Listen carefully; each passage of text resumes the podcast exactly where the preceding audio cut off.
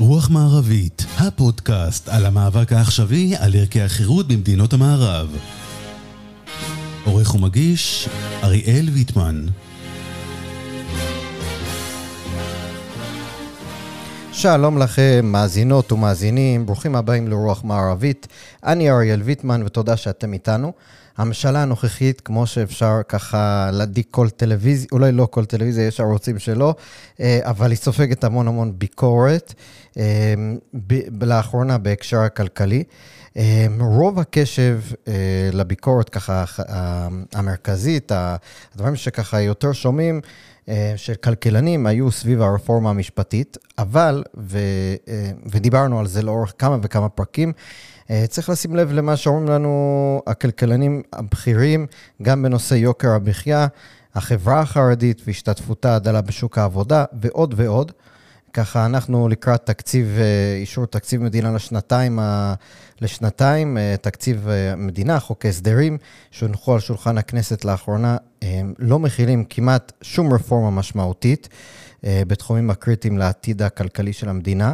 שר האוצר בצלאל סמוטריץ' בוועדת הכספים לפני איזה שבועיים, משהו כזה, אמר אה, שהוא בעצם מודה, אין פה כאן איזושהי בשורה, אין כאן רפורמות משמעותיות, הוא בסך הכל אה, אמר שהתקציב די דומה לתקציבים שהיו בשני, בממשלה הקודמת, ואין כאן איזה משהו, הוא הבטיח שהוא בעצם... אחרי שהתקציב יעבור, נקים איזושהי ועדה לבחון את הריכוזיות. לאחרונה הוא uh, מעלה כל מיני רעיונות בתקשורת של uh, um, האם uh, שהוא בעצם איים על חברות המזון, שאוי ואבוי למי שיעלה מחירים, ו... Um, um, משר האוצר שתמך בשוק חופשי וחסמים וזה, אנחנו עוברים לאיומים על חברות, שזה תמיד עובד, במרכאות. אז כאילו, בוא, אני חושב שחשוב קודם כל לדון בבעייתיות של מה הממשלה בעצם מציעה, וגם אולי קצת אה, לתת ביקורת בונה ולנסות להבין מה הממשלה שכן הייתה רוצה לעשות לטובת הציבור, מה היא הייתה צריכה לעשות. זאת אומרת, אולי, אולי בכל זאת בצלאל אה, סמוטריץ', שר האוצר, מקשיב לנו, ואולי, אה, או מישהו מטעמו, או מישהו מסביבו. אז כדי לדון בכל זה, ועוד הרבה, כי באמת יש הרבה, אני שמח לארח את חברי היקר, פרופסור עומר מואב. פרופסור מואב הוא uh, כלכל, uh, פרופסור לכלכלה מאוניברסיטת רייכמן ואוניברסיטת ווריק באנגליה. Uh, עומר היה היועץ הכלכלי של שר האוצר יובל שטייניץ, ובנוסף לכל אלה, uh, וככה לאחרונה אני מאוד נהנה, לפרופסור מואב יש פודקאסט מאוד מצליח וחשוב, שנקרא עושים חשבון, ואני באמת ממליץ לכולם להאזין וללמוד, כי אני לפחות מאוד לומד שם הרבה מאוד דברים. אז אה, פרופסור עומר מואב, ברוכים הבאים לתוכנית. שלום, שלום אריאל, תודה, תודה. אז ככה, שר האוצר בצלאל סמוטריץ' אומר שמצב הכלכלה הישראלית, הכל מצוין, מי שמדבר על אה, ירידה בהיקף גביית המיסים למשל לאחרונה, או האטה כזו או אחרת, או מדד המחירים שעלה אתמול, אה, פשוט לא אומר את האמת המלאה. הוא אומר שהמצב הכל דבש, כמו ששר האוצר הקודם היה אומר, הכל בסדר. הוא צודק, הוא לא צודק, מה אנחנו, איך מתייחסים לאמירות כאלה? תראה, הוא אומר המון דברים, אה, והמון דברים מופרכים לחלוטין. אה, אז אני לא, לא רוצה להתחיל לחלק לו ציונים, עשיתי כמה פוסטים שהראיתי שהוא ממש, ממש אומר דברים שהם לא אמת. נכון. אה, אם להגיד בעדינות, משקר בצורה יותר בוטה. אה, תראה, הכלכלה הישראלית, נכון לעכשיו, היא במצב טוב, אבל, אבל אנחנו רואים סימנים מאוד מדאיגים לגבי העתיד.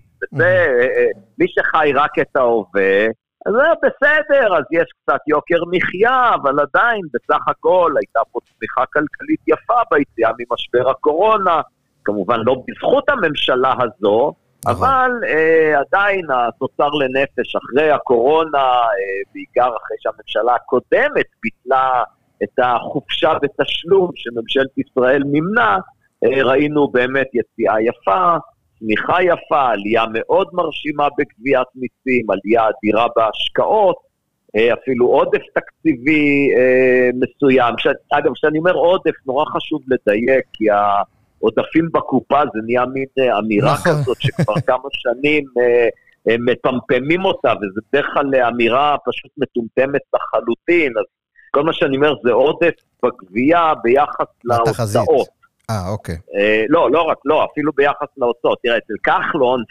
זה, זה מצחיק, כחלון בשלב מסוים, אצלו הייתה גבייה, עדיין גבו מיסים פחות מההוצאות. Mm-hmm. אבל גבו מעל התחזית, כן. אז הוא דיבר על עודפים. זה באמת שטות מוחלטת. כן. אבל תראה, גם לדבר על עודפים שמצטברים בקופה, שזה מה שאנחנו ככה שומעים בתקשורת לפעמים, בזמן שבאמת יש באופן זמני, הייתה תקופה עכשיו ש, אה, של התנהלות אחראית, אני אקרא לזה, לא של, שוב, לא של הממשלה הזאת, אה, והייתה גבייה של מיסים מעל ההוצאות, עדיין אין עודפים, כי נכון. אתה יודע, זה כמו משק בית שיש לו אולי הכנסה קצת יותר גבוהה מההוצאה, אבל מה יש לו בקופה? החוב של נגיד מיליון שקל, כן? החוב של ממשלת ישראל הוא uh, מעל טריליון שקלים. כן. אז, אז אין עודפים. כן? יש חוב, והחוב הזה הוא מאוד יקר, ריבית על החוב היא מאוד יקרה, היא בהחלט מגיעה על חשבון הוצאות אחרות. אם לא היה את החוב הזה, אז היה אפשר להוציא יותר, אתה יודע, דברים אה, שונים. אבל לא משנה, זה רק אה, ככה אמירת אגב. כן. אז, אה, אז זה נכון שיש ירידה בגביית המיסים עכשיו. זה נכון, אבל עדיין זה לא איזשהו מצב כרגע, הירידה בגביית המיסים זה לא משהו שצריך כשלעצמו להתרגש ממנו יותר מדי. אמ, אני חושב שכן צריך אה, להיות מודאגים מזה שהממשלה, מאוזלת ידה של הממשלה אה, בנושא יוקר המחיה. אה, ואני רוצה להגיד שהממשלה כן עושה הרבה מהלכים, פה שוב חשוב להסביר את ה... מה זה באמת פעולה של ממשלה שמורידה יוקר מחיה. אפשר לעשות המון דברים תחת הסיסמה שזה נכון. מוריד את יוקר המחיה, ולצערי הציבור בישראל אה, טומטם שנים על ידי פוליטיקאים ותקשורת לא להבין את ההבדל בין ירידה במחירי מוצרים ושירותים כתוצאה מיותר תחרות. מהתייעלות של המשק, מגידול בפריון העבודה, שזה באמת מוריד את יוקר המחיה, לבין, אה, אבל זה קשה לעשות, לבין הממשלה אה, נותנת כסף לציבור. אוקיי, למשל, אם הממשלה אה, מורידה את המס על הדלק, אז כן, כצרכן אני יכול לקנות דלק במחיר יותר נמוך. אבל מאיפה הכסף של הממשלה להוריד את המס על הדלק? הוא בסוף יגיע על חשבון הציבור. נכון. לכן כל פעולה שהממשלה עושה להורדת יוקר המחיה דרך זה שהממשלה מסבסדת את הציבור, או מורידה מיסים, זה לא מקל על יוקר המחיה, נקודה. שוב, אנחנו יוקר מחיה, אתה יודע, אפשר למדוד את זה בכל מיני צורות, בסוף מה שמעניין אותנו זה הרווחה שלנו כבני אדם, כאזרחים נכון. במדינה. וכן, ואם המדינה לוקחת ממני כסף כדי להחזיר לי אותו בצורה של שירות כזה או אחר, תוך כדי שחצי מהכסף הולך לאיבוד בדרך, אה, אז, אז היא לא הורידה לי את יוקר המחיה, להפך, היא הכבידה עליי, פגעה לי ברווחה. Mm-hmm. אבל רגע, לפני שאתה ממשיך... זה למשל כל הנושא ש... אוקיי, כן, כן. אנחנו סליחה. ניכנס לזה כי ככה בניתי את זה, אני רוצה אבל לפני כן, אנחנו רואים מלא מלא דוחות לאחרונה. אני, אני, אני פשוט עוד מעט, אני אכנס למה שהממשלה באמת תכלס עושה, כי אנחנו... אנחנו רק עכשיו, אני רוצה לדבר גם על הכספים הקואליציוניים וכל הדבר באמת המטורף הזה, אבל אני רוצה קודם כל לשאול רק על עצם, הרי אנחנו, נגיד יוצא דוח, יצא קודם כל את הדוח של מודי'ס, אחר כך S&P, והיה על זה הרבה אייפ לפני כן, ואחר כך את הדוח של הקרן, לדעתי קרן המטבע או הבנק העולמי, אני לא זוכר בדיוק איזה, ואז יצא גם אה, עכשיו דוח של הכלכלנית הראשית באוצר, וכל פעם שיוצא דוח כן. כזה, אז אז מיד יש מלחמת נרטיבים. והתחושה שלי, נכון. ש... ו- וכאילו, זה בכלל לא משנה מה כתוב בתוך הדוח. הרי, למשל, הדוח האחרונה, האחרון של הכלכלנית הראשית לגבי אה, גבייה, תחזית הצמיחה, ושהורידה את התחזית, אז יש שם סעיף שלם על הרפורמה המשפטית. עכשיו, אתה לא, אה, נגיד אם אני שר אוצר או, או פוליטיקאים נוספים בממשלה, נניח שאני לא מסכים איתה, אוקיי? יש לי מחלוקת מקצועית, נקרא לזה במרכאות. בסדר גמור, אבל למה לי, אני לא מצליח להבין, זה כבר לא שאלה של כלכלנים, כן? זה זה פשוט שאלה של פסיכולוגיה ואולי זה.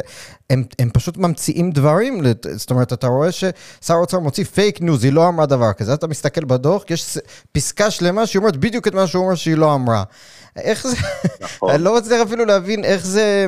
אתה, אתה, כאילו, זה, אני לא שואל אותך ככלכלן, אני שואל אותך כמישהו שחי את המציאות כאן כל כך הרבה שנים אה, כבר, ו, וכאילו, אני לא ראיתי דבר כזה הרבה מאוד שנים, שזה ממש, יוצא דוח, יום אחרי זה כבר טוענים שמה שכתוב בדוח לא נכון, כאילו, לא נכתב. כן. אני, זה משגע אותי.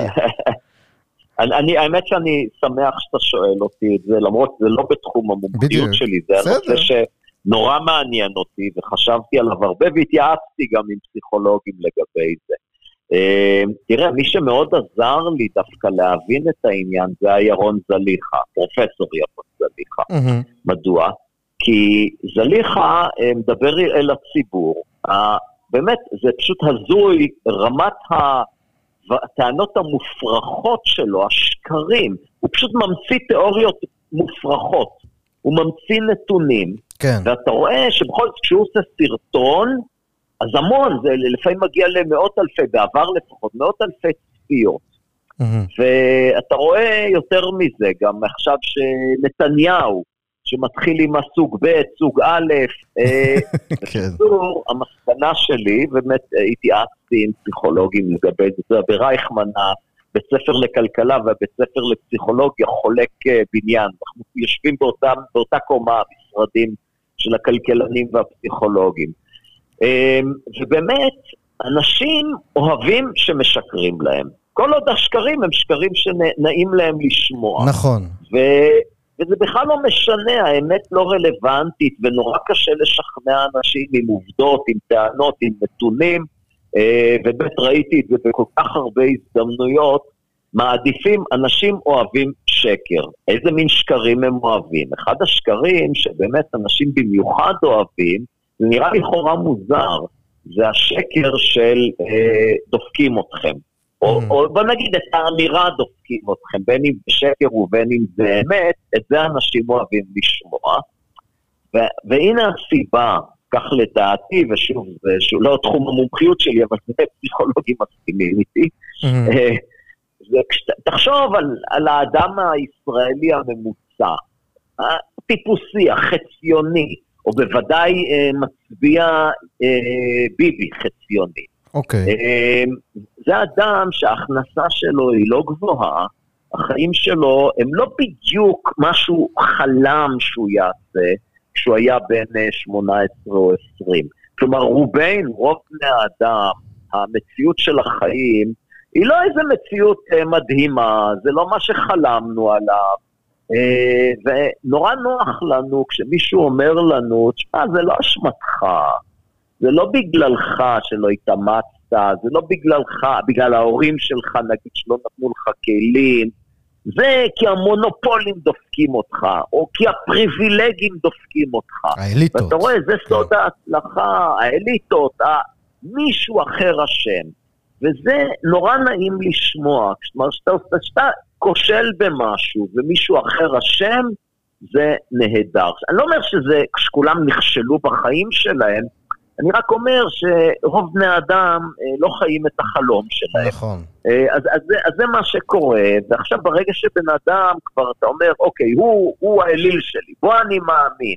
אה, mm. אבישי בן חיים הוא, הוא סבבה, אני, אני מאמין שמה שהוא אומר, נוח לי להאמין בזה. נכון. ואז יכול האבישי בן חיים הזה, אה, עוד שופר של נתניהו בגדול, שעושה בשבילו את העבודה של להסית פה, לה, לה, לה, לה, להגדיל פה את השנאה, את ההסתה בין ספרדים לאשכנזים. הדבר הזה פשוט באמת מטריף אותי, mm-hmm. כי זה לא שאין אפליה כנגד ספרדים בישראל, יש. יש אפילו פרק בפודקאסט שלי, שאירחנו את פרופסור יונה רובינשטיין, שמראה את זה במחקר, בצורה mm-hmm. מאוד יפה.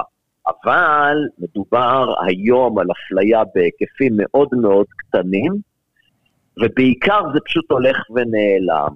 ואתה יודע, אני חושב שכבר אולי מחצית מהצעירים ממש, הם כבר לא יכולים להגיד אפילו שהם אשכנזים או ספרדים, כי אחד מההורים ככה ואחד ככה, כבר יש, באמת, זה הולך ונעלם הסיפור הזה. Mm-hmm. אז, אז אבל אנשים אוהבים את השקרים האלו, בקיצור. כן, גם אל תשכח, הייתי אומר שאנחנו חיים בכאילו בניית תרבות כזאת, ב, אני חושב בדורות היותר צעירים אולי, בעיקר בארצות הברית, לדעתי זה כבר אה, ככה הגיע לכאן, שיש תחרות מי יותר מסכן. זאת אומרת, כל אחד מנסה להוכיח כמה דפקו אותו יותר.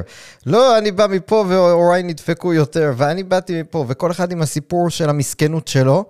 ובמקום כאילו, לה, אתה יודע, לתת לאנשים את התחושה שהם מסוגלים, כל אחד נלחם להוכיח כמה הוא יותר גרוע ויותר רע לו ויותר נדפק ויותר, המערכת דפקה אותי יותר ויותר, זה ממש נהיה כאילו, אתה הולך גם בארצות הברית, יש נכון, לך את נכון. הדרגות האלה, מי האימא שלך ואבא שלך ואיזה גזע הם ואיזה זה, ו...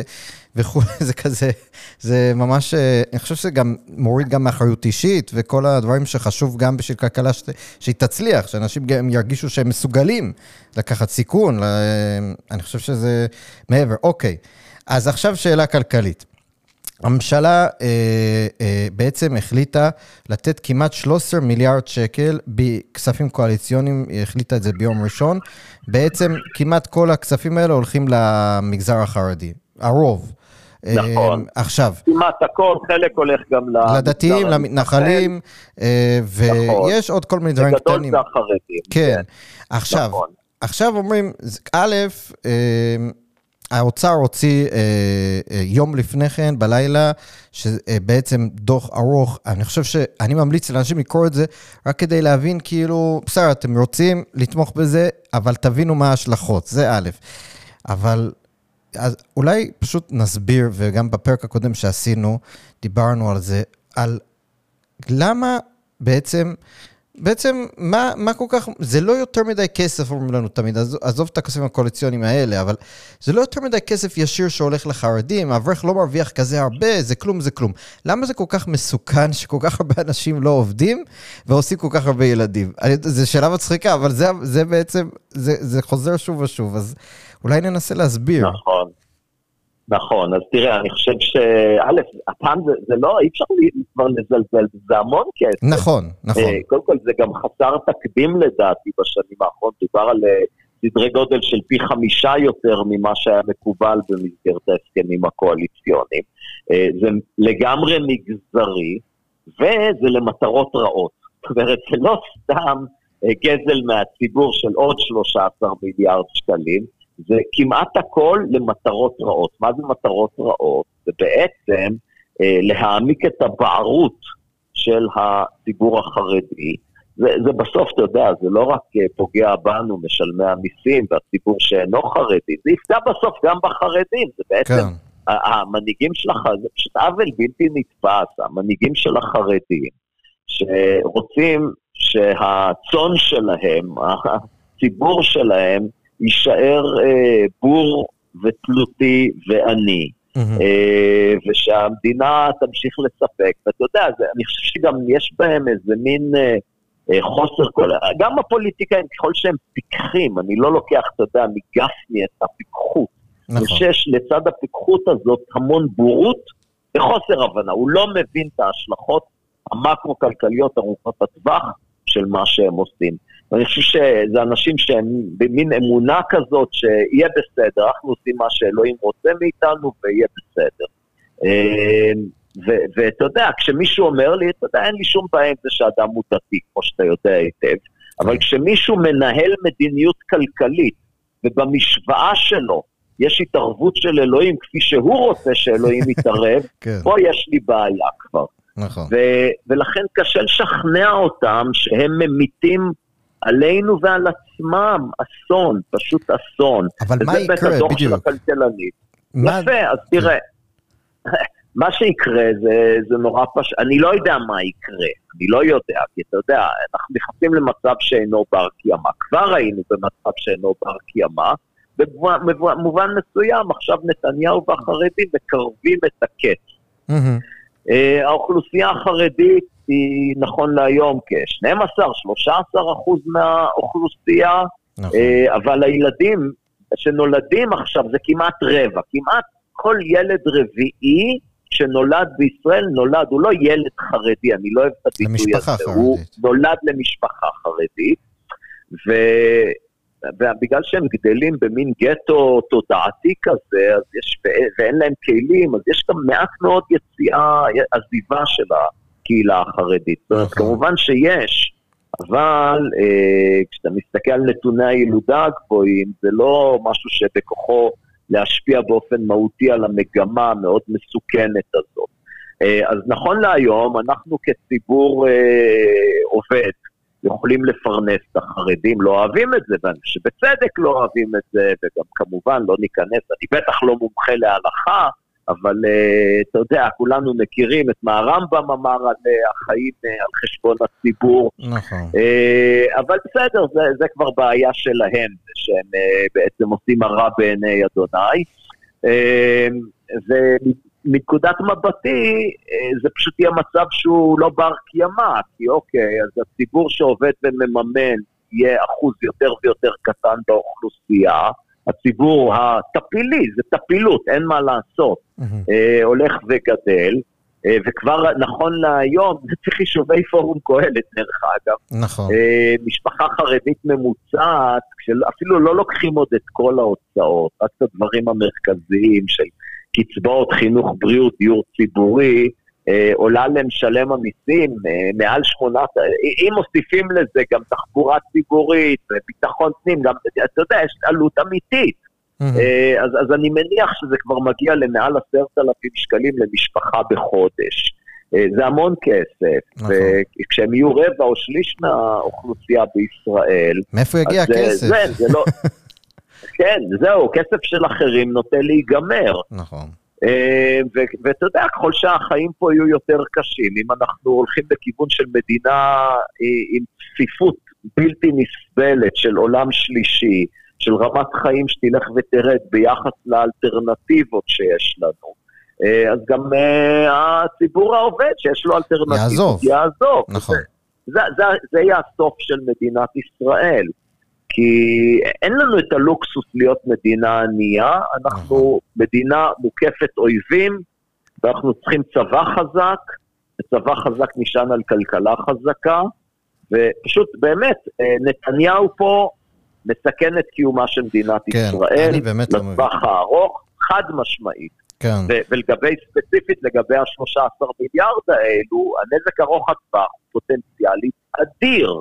באיזה מובן? כי זה בעצם מכסה להם לגמרי את התמריץ אה, לשלוח כן ילדים ללמוד לימודי ליבה, הוא, הוא נותן תמריץ כלכלי מאוד חזק להמשיך עם הבורות, לא לעבוד, אה, להמשיך להביא הרבה ילדים לעולם. זה, זה, פשוט, זה פשוט אסון למדינת ישראל.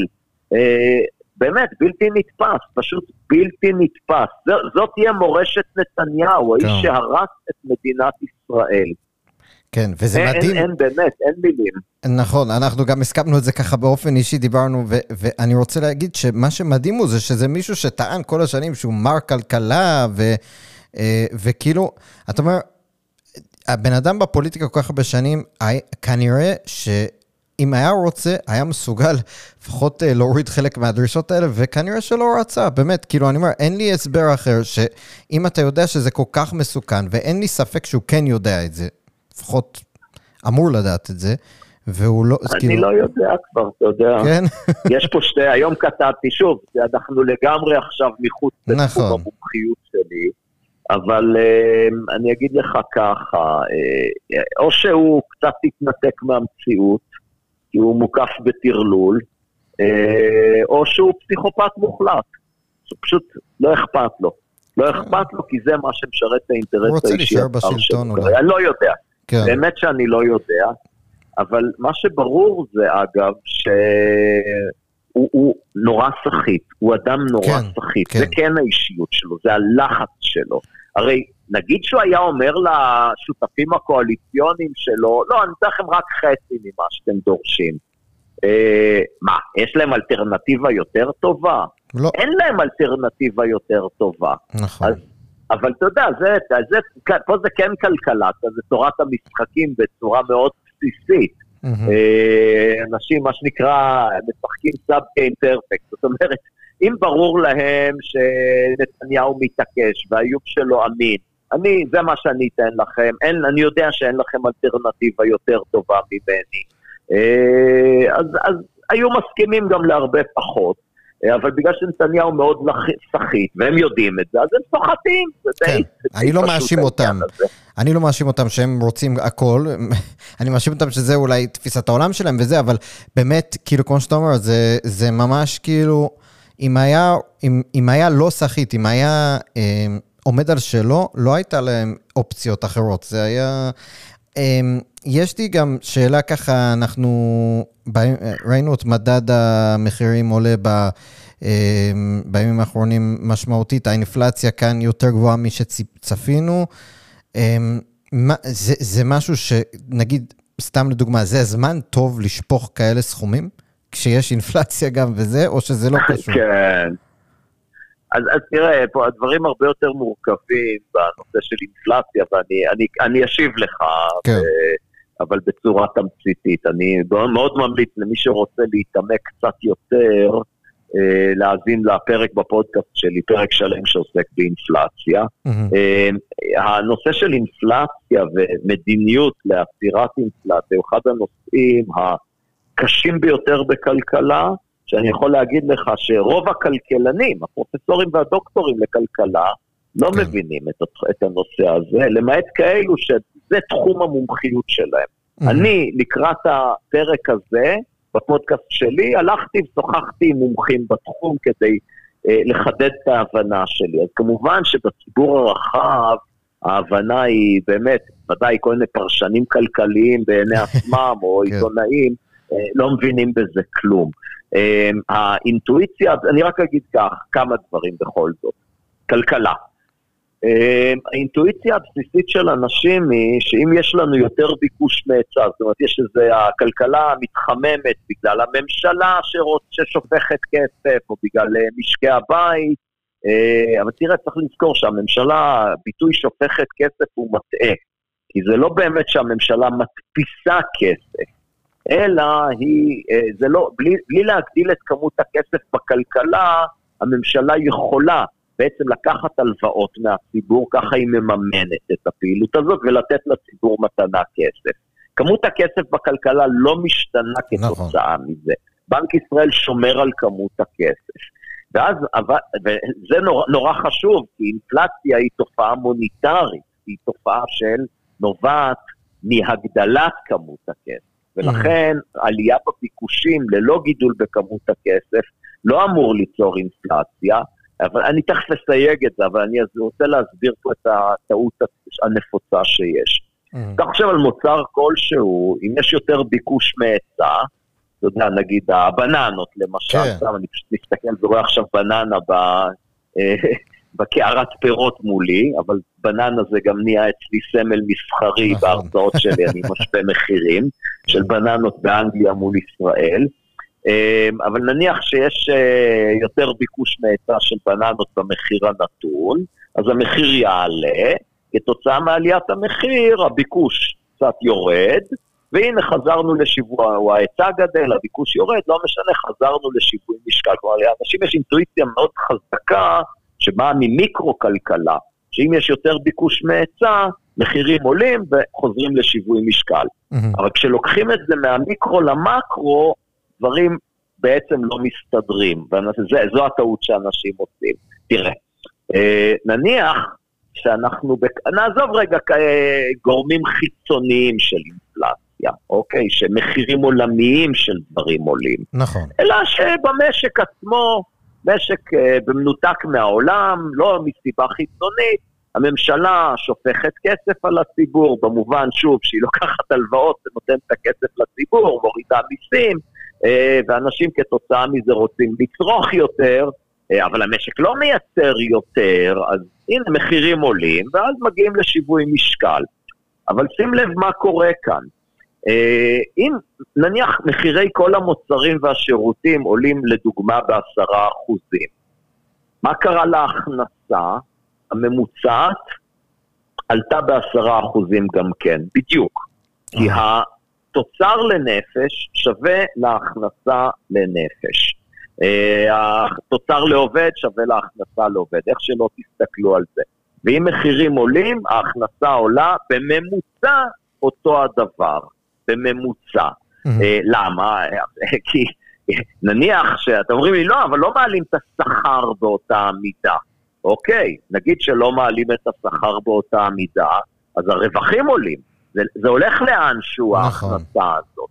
אז בממוצע זה לא משתנה. אז הטיעון הוא הרבה יותר, כבר, אם כבר יש פה טיעון של ירידה בביקוש, הוא בגלל שאולי אינפלציה, עליית המחירים, משפיעה על חלוקת ההכנסות.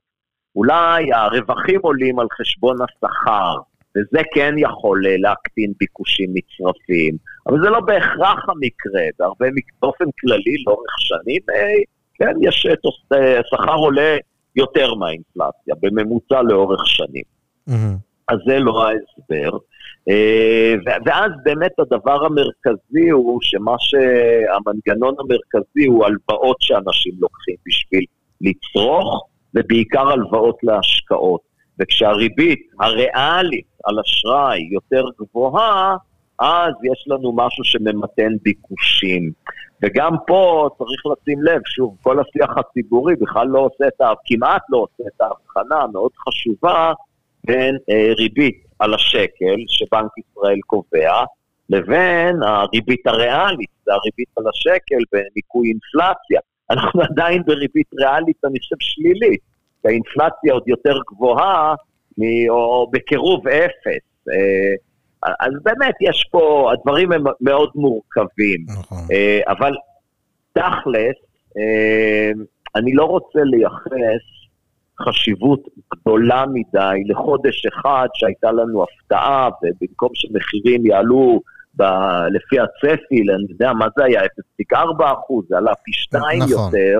יכול להיות שזה משהו אקראי, רגעי, שנובע מסתם אווירה של העלאת מחירים, ואולי בחודש הבא יהיה תיקון אה, בכיוון ההפוך, אני לא יודע. אני, כל מה שאני רוצה להגיד זה שברור לגמרי, צריך לזכור את הנקודה הזאת, כי כש... אם, אם, אם הייתה עכשיו ירידה, אז היית מיד שומע את סמוטריץ' מתגאה, הנה אמרתי ברור. לכם שאנחנו נלחמים ביוקר המחיה, ותראו איזה הצלחה אדירה יש לנו, אז, אז לא.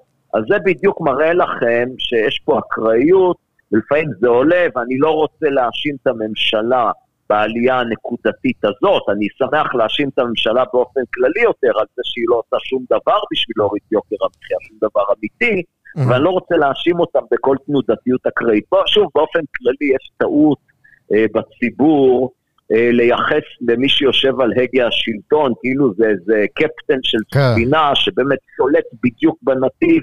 רוב מה שקורה לא תלוי בממשלה, לממשלות יש יכולת לפעול כדי להיטיב עם הכלכלה, לממשלות ודאי יש יכולת להרוס ולהזיק, אבל, אבל רוב מה שקורה זה, זה דברים שמתרחשים ביוזמות של בני אדם, שוק פרטי, השוק העולמי.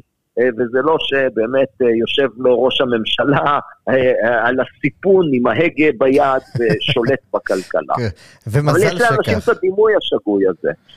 כן, עכשיו תגיד, אנחנו אבל, אני מניח שהמאזין הממוצע, שהוא לא בהכרח כלכל, לא מבין יותר מדי אולי בכלכלה, או לא מתעסק בזה, הוא חי את החיים שלו, אבל הוא שומע כל הזמן בחדשות, החברה הזאת מעלה מחירים. החברה הזאת מעלה מחירים, בעיקר בתחום המזון ו, אה, והדבר, ו, ונניח טואלטיקה אולי, דברים כאלה, שהוא צורך ביום-יום בסופר וברשתות הפארם, מה שנקרא. ואז שר אוצר, אה, אני ראיתי שהוא בימים האחרונים אמר ש... אה, הוא איים בעצם, הוא אמר, לא כדאי להם להעלות מחירים, להיכנס בהם וזה. עכשיו, א', האם זה פתרון של שר האוצר ליוקר המחיה, שהוא יגיד שהוא נכנס באנשים ובחברות וזה, ומה בכלל הוא יכול לעשות שבאמת יכול לעזור בהקשר הזה? וב', האם תחום המזון בישראל בגדול, הזכרת את הבננות וזה רק דוגמה, אבל אה, הוא הוא בעצם, יש לממשלה מה לעשות בטווח הבינוני ארוך. זאת אומרת, יש רפורמות שהממשלה הייתה יכולה לעשות, נכון? זאת אומרת, דברים שמאוד יחסית פשוטים, אולי לא לביצוע, אבל לה, לה, לבצע. זאת אומרת, הפוליטית אולי זה קשה, אבל יש דברים שאפשר לעשות. בוודאי, בוודאי שיש מה לעשות, אבל זה קשה. כן. Uh, באמת ראינו uh, שממשלת בנט-לפיד עבדה בכיוון הנכון. שוב, גם... Uh, קואליציית בנט-לפיד הייתה קואליציה מאוד בעייתית. מצד אחד היה לנו שם את, אה, את בנט, את ליברמן, את פורר, שר החקלאות, את אביר קארה, כן. שעבדו במרץ, עבדו בצורה רצינית לעשות את הדברים הנכונים. אני חושב שלא נשאר לזה זכר כמעט בממשלה הנוכחית. מצד שני, כמובן, היו שם את כל הכוחות הרשע של... לא, לא אתחיל להזכיר שמות, כי זו רשימה ארוכה, בעיקר מפלגת העבודה, כן. כחול לבן, אתה יודע, שאנשים שכאילו הם חברתיים, אבל הם למעשה מתייצבים לצד החזקים במשק, בהרבה הרבה מקרים, לצד הקיבוצים וה, והמושבים, ורוצים לחסום אה, אה, רפורמות שמאפשרות יותר תחרות בתחום החקלאות ויבוא. אה, בקיצור, אם רוצים באמת להוריד את יוקר המחיה, צריך לעבוד קשה. כן. וחלק מזה נעשה, ועבדו בכיוון הנכון. ברור שאם יש למוצר תקן אירופאי, זה מספיק טוב לנו, לא צריך נכון. תקן ישראלי. זה עדיין יש בתחומים מסוימים, נדמה לי בעיקר בתחום אה, שבאחריות משרד הבריאות. כן. אה, יכול להיות שצריך שם לשנות דברים. כרגע יש אחריות פלילית ל...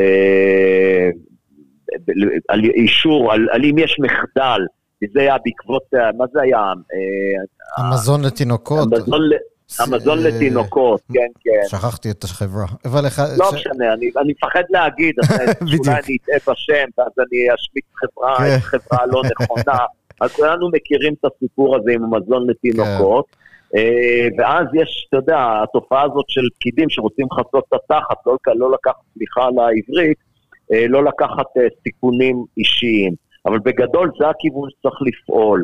באמת, להגיד, אם מוצר עומד בתנאי רגולציה של אירופה, גמרנו, מספיק טוב בשבילנו, ובגדול הגישה חייבת להיות שכן, מותר לקחת גם פה ושם קצת סיכונים, אה, לא לעכב יבוא, להבין איפה החסמים, אז, אז יהיה, כן, לצמצם את הכוח של ההסתדרות וארגוני העובדים החזקים. רגע, על זה אני רוצה ו... לשנייה לשאול אותך משהו, אבל אני רוצה להגיד משהו בהקשר של היבוא וחקלאות, הזכרנו בננות. אמ, אחד הדברים, ועודד פורר וכולי, היה להם את הרפורמה בחקלאות. עכשיו, משהו מעניין, נכון. שהרבה מאזינים לדעתי לא יודעים, ואולי אני אחדש אפילו לך.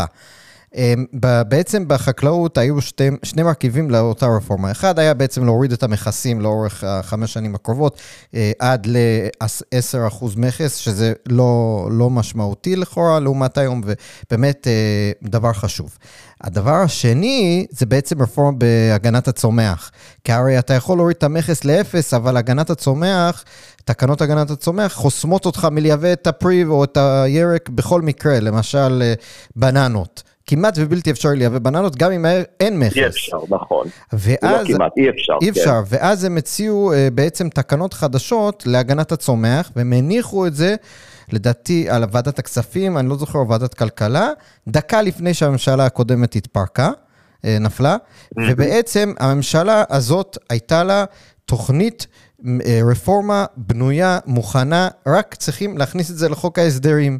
ואתה יודע מה הם עשו עם זה, עומר? הם לא הכניסו את זה. אין.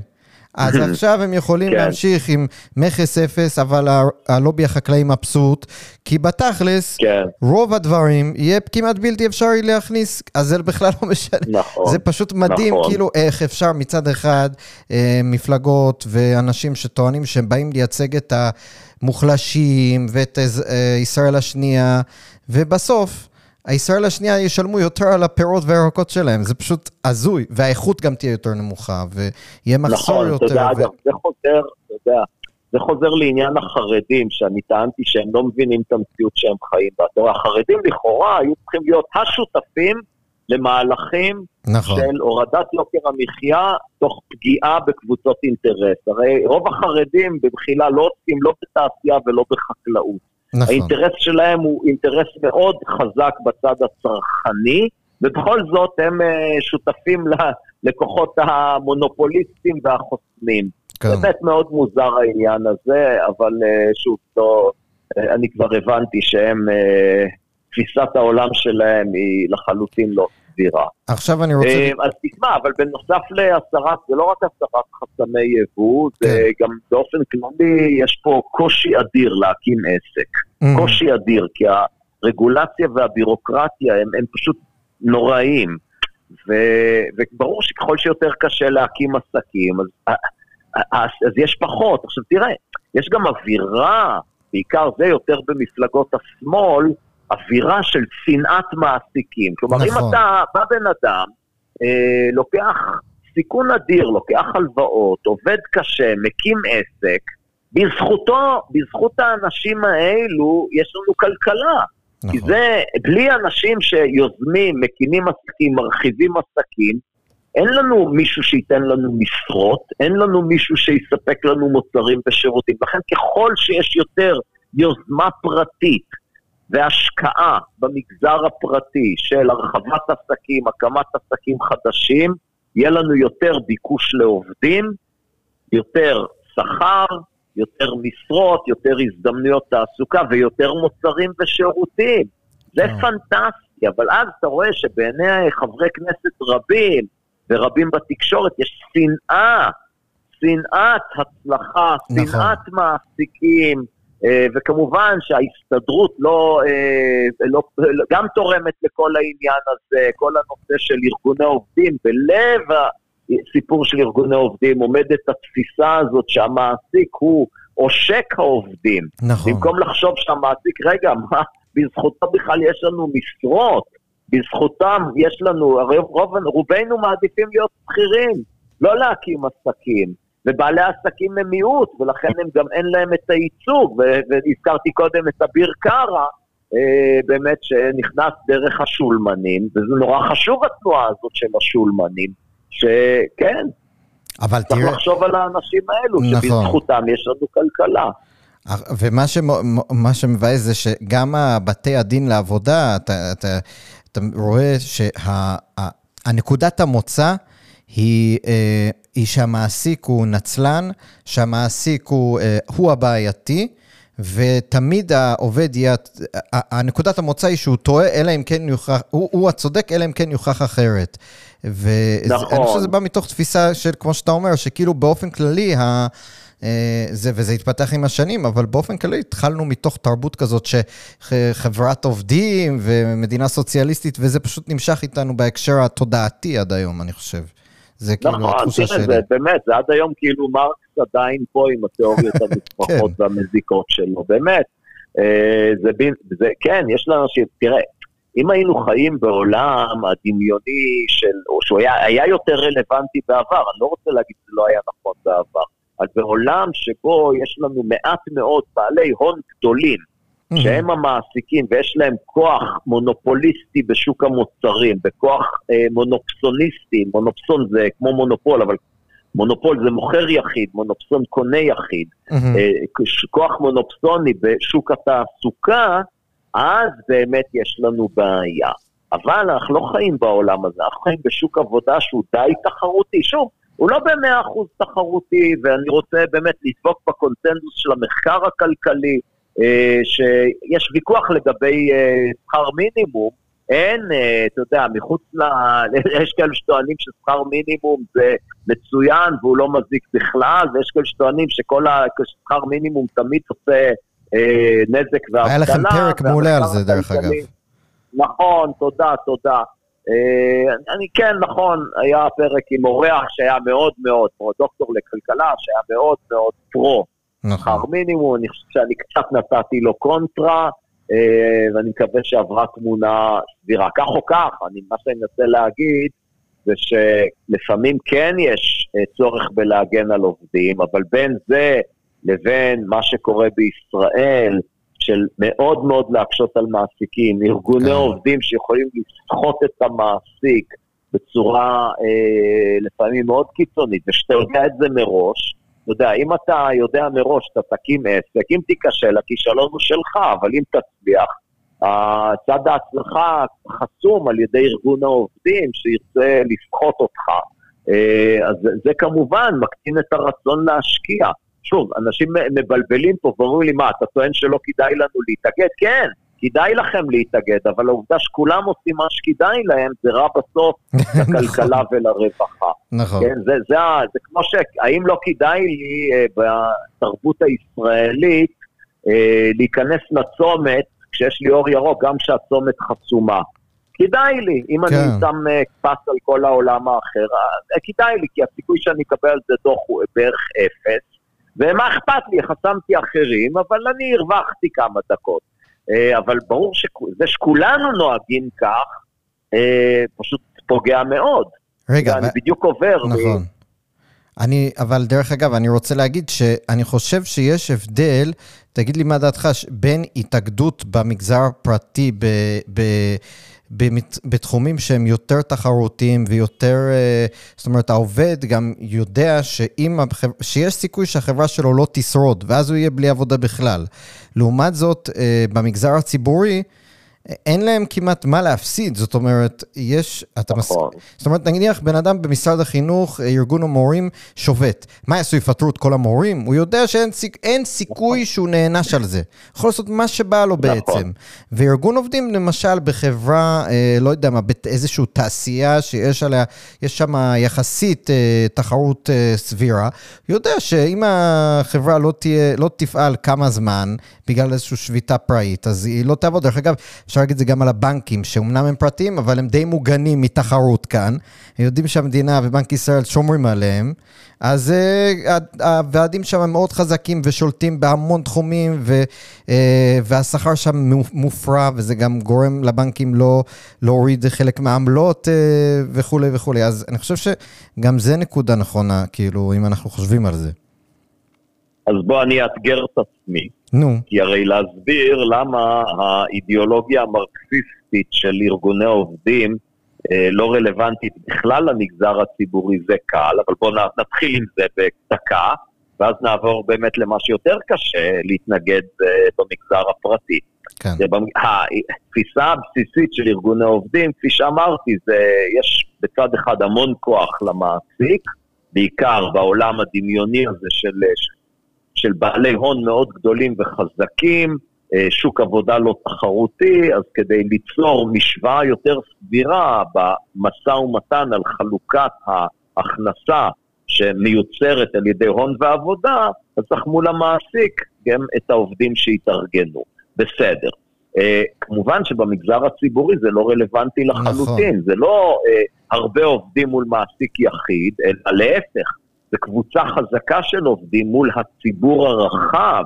בדיוק. מי שמשלם את השכר שלהם זה הציבור הרחב, זה לא ראש הממשלה או שר האוצר, ולכן למעשה ארגוני העובדים במגזר הציבורי בישראל עושים עוול לציבור הרחב, ואני חושב לחלוטין, שוב, היה אפשר, ואגב, אני כתבתי על זה כבר די מזמן, נייר, מאמר בכתב העת תכלת זה יצא.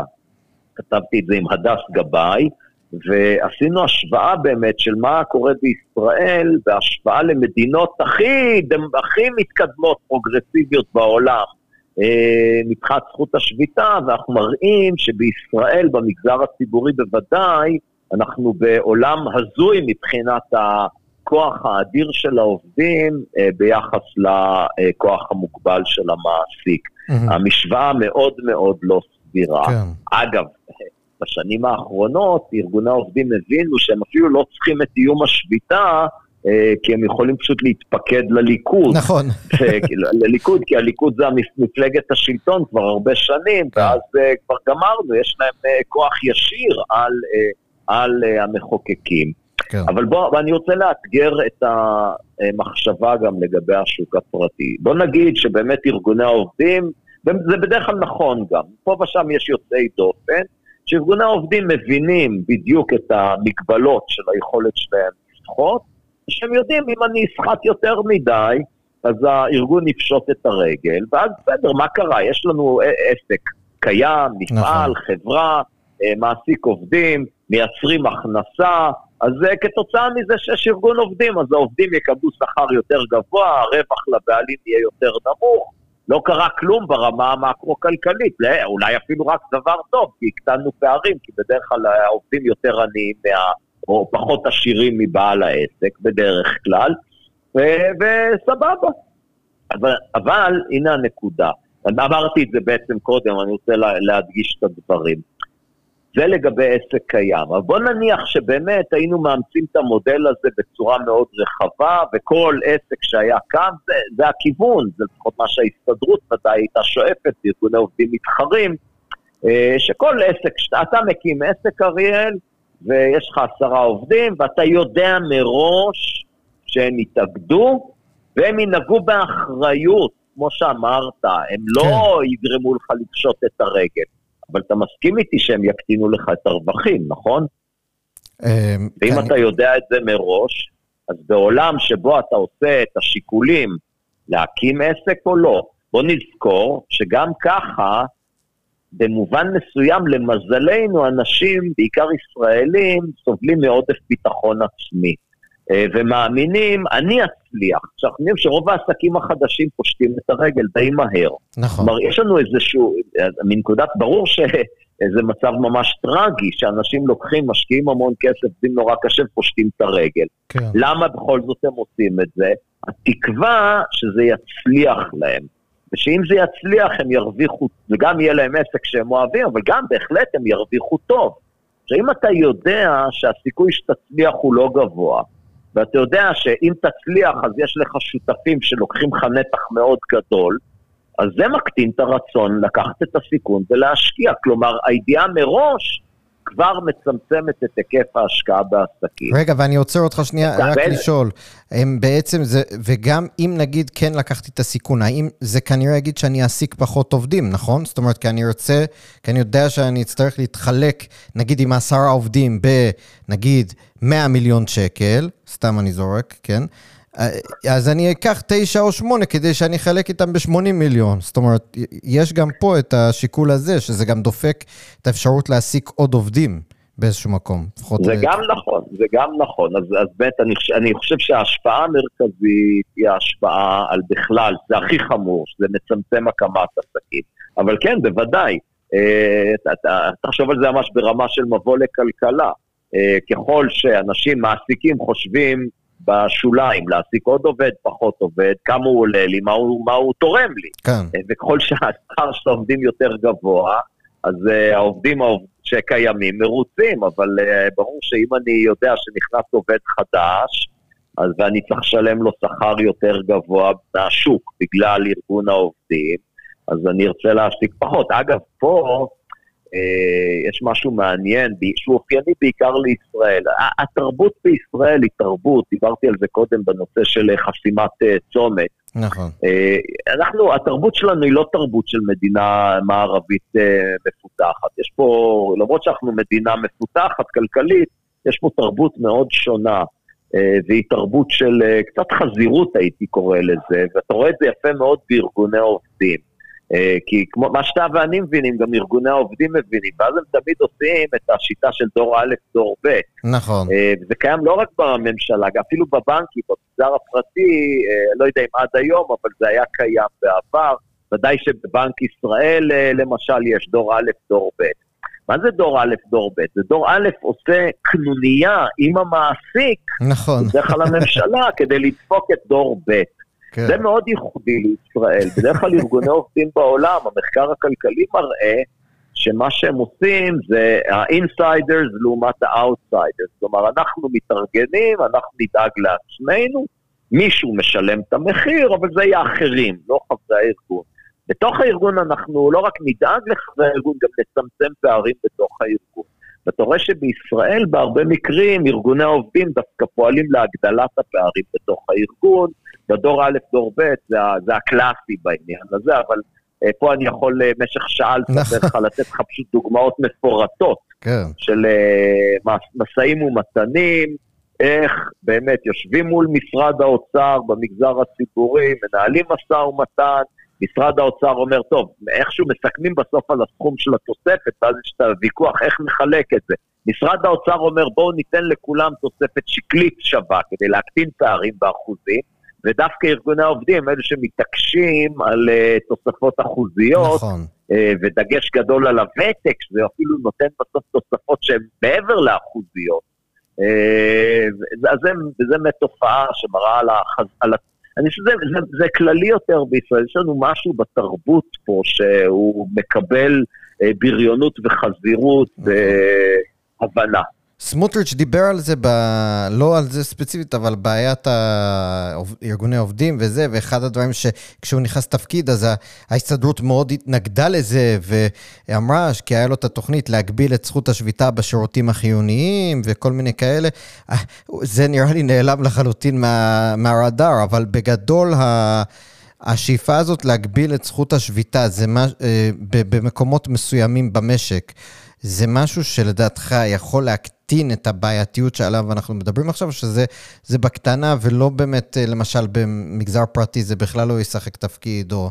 אז איך, אה, זה משהו שנותן פתרון לדעתך?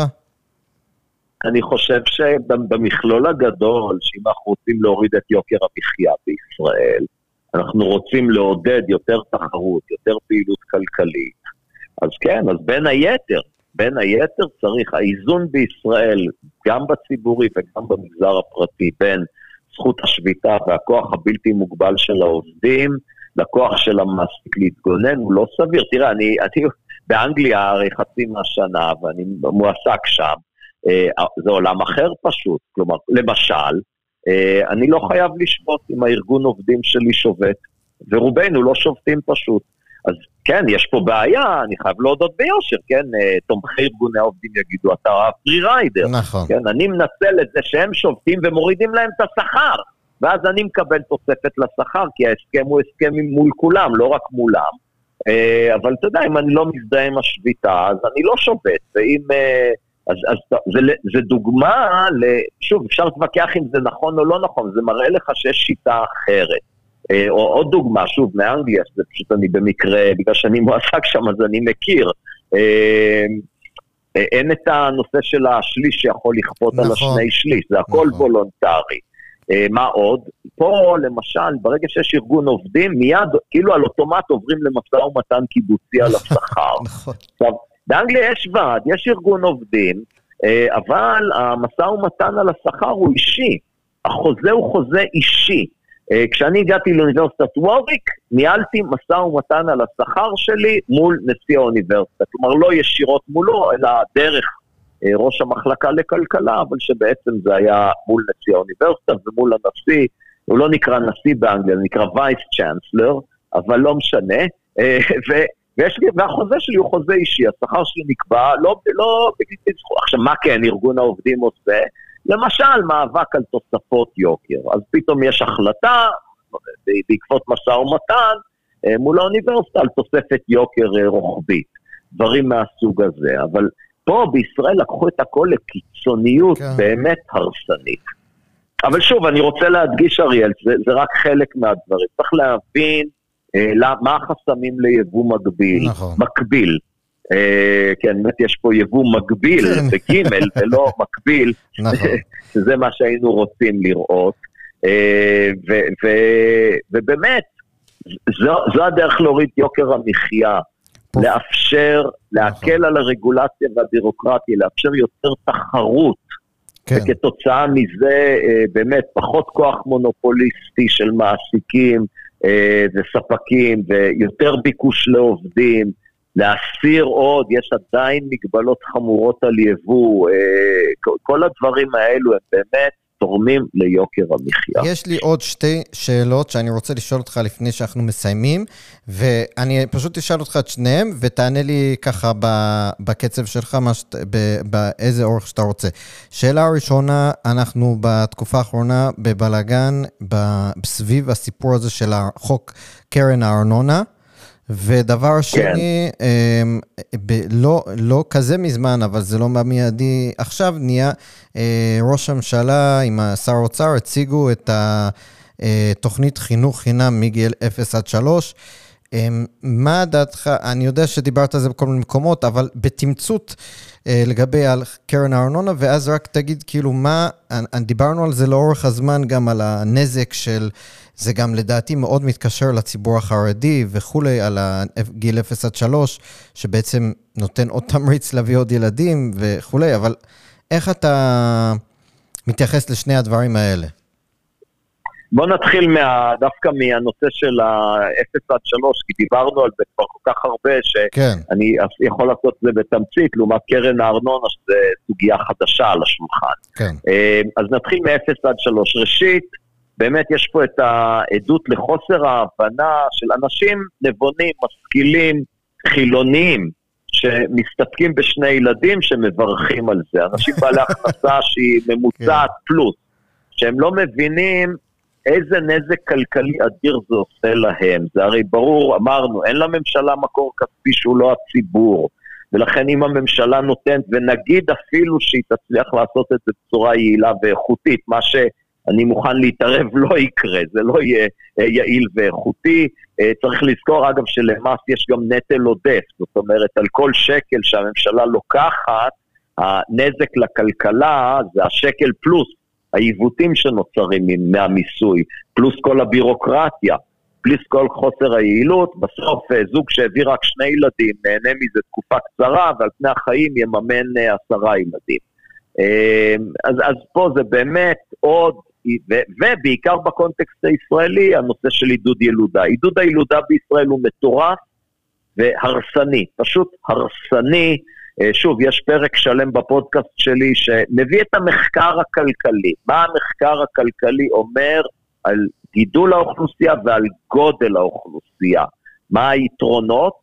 כמעט כלום בתקופה הזאת, אתה יודע, אולי לפני 200 שנה היה יתרונות. אני, אפילו מחקרים שלי טוענים שהיה בעבר יתרון לגודל האוכלוסייה, mm-hmm. אבל נכון להיום זה כבר לא המקרה.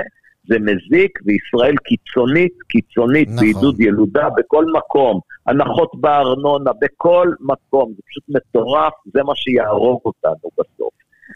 אז זהו, זה לגבי ה-0 עד 3. כמובן, כמובן, זה לא מוריד את יוקר המחיה. נכון. אין דבר כזה.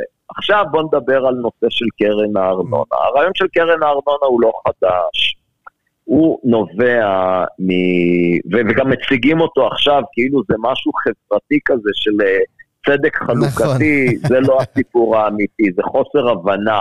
זה, זה כן עושה צדק חלוקתי, במרכאות אני אומר את זה, מה זה צדק חלוקתי אני לא יודע, אבל אם הכוונה שבממוצע לוקח כסף מרשויות יותר חזקות, ובממוצע מעביר לרשויות יותר חלשות, אז זה כנראה נכון, אבל זה לא המטרה וזה לא הסיפור המרכזי.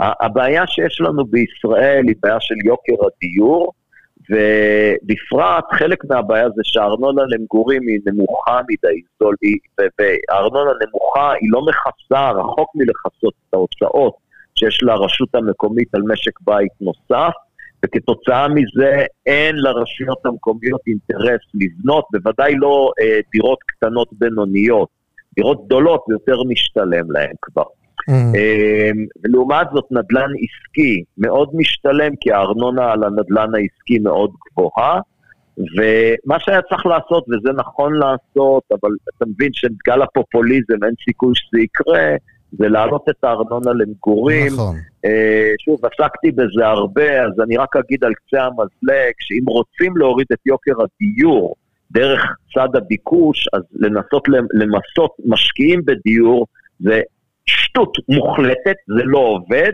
אין סיבה שזה יעבוד.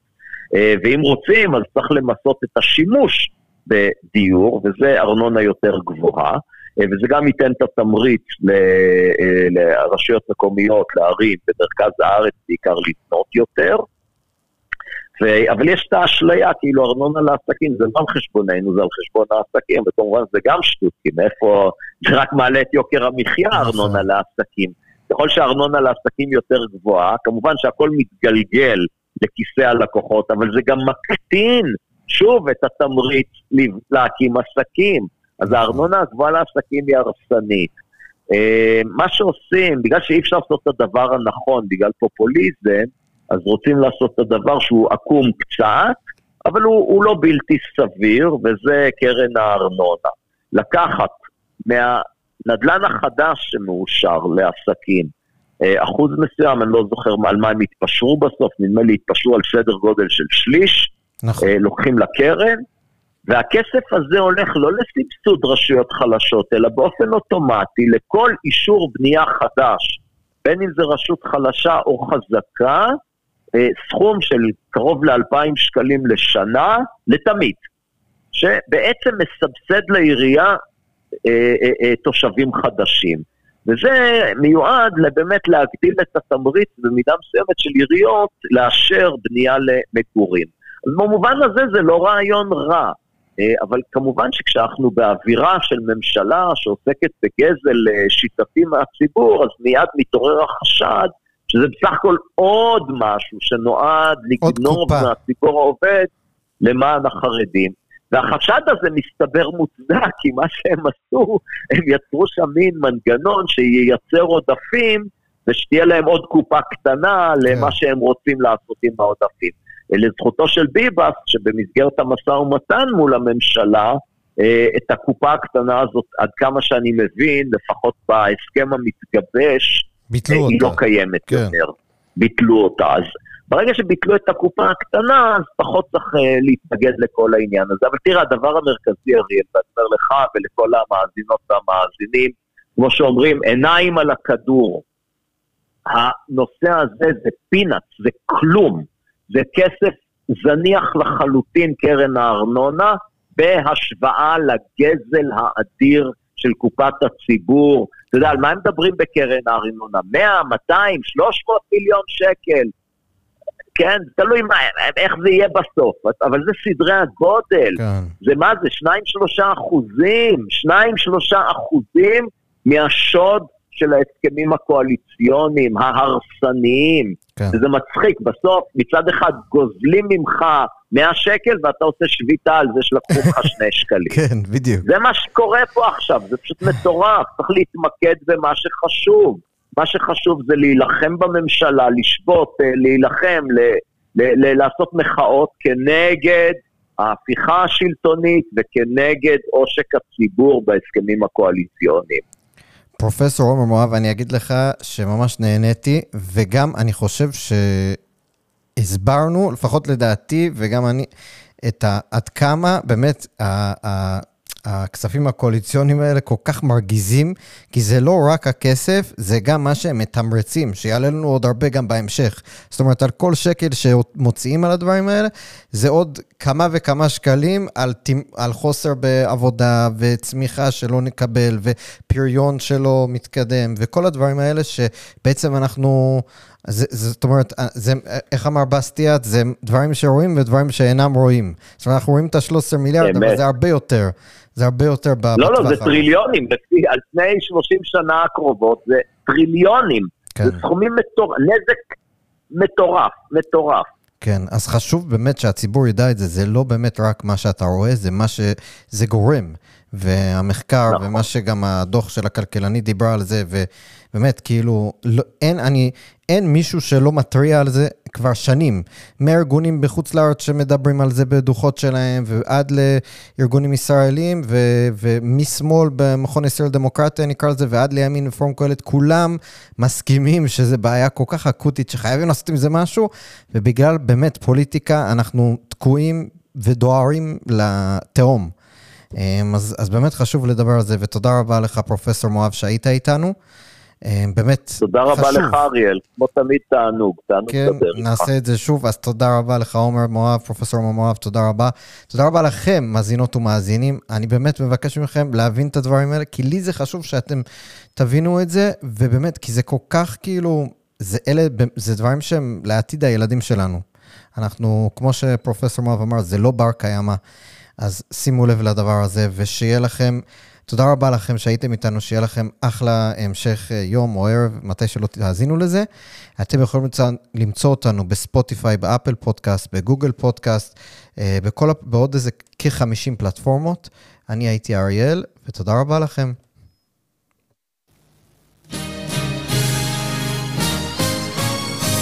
רוח מערבית, הפודקאסט על המאבק העכשווי על ערכי החירות במדינות המערב. עורך ומגיש, אריאל ויטמן.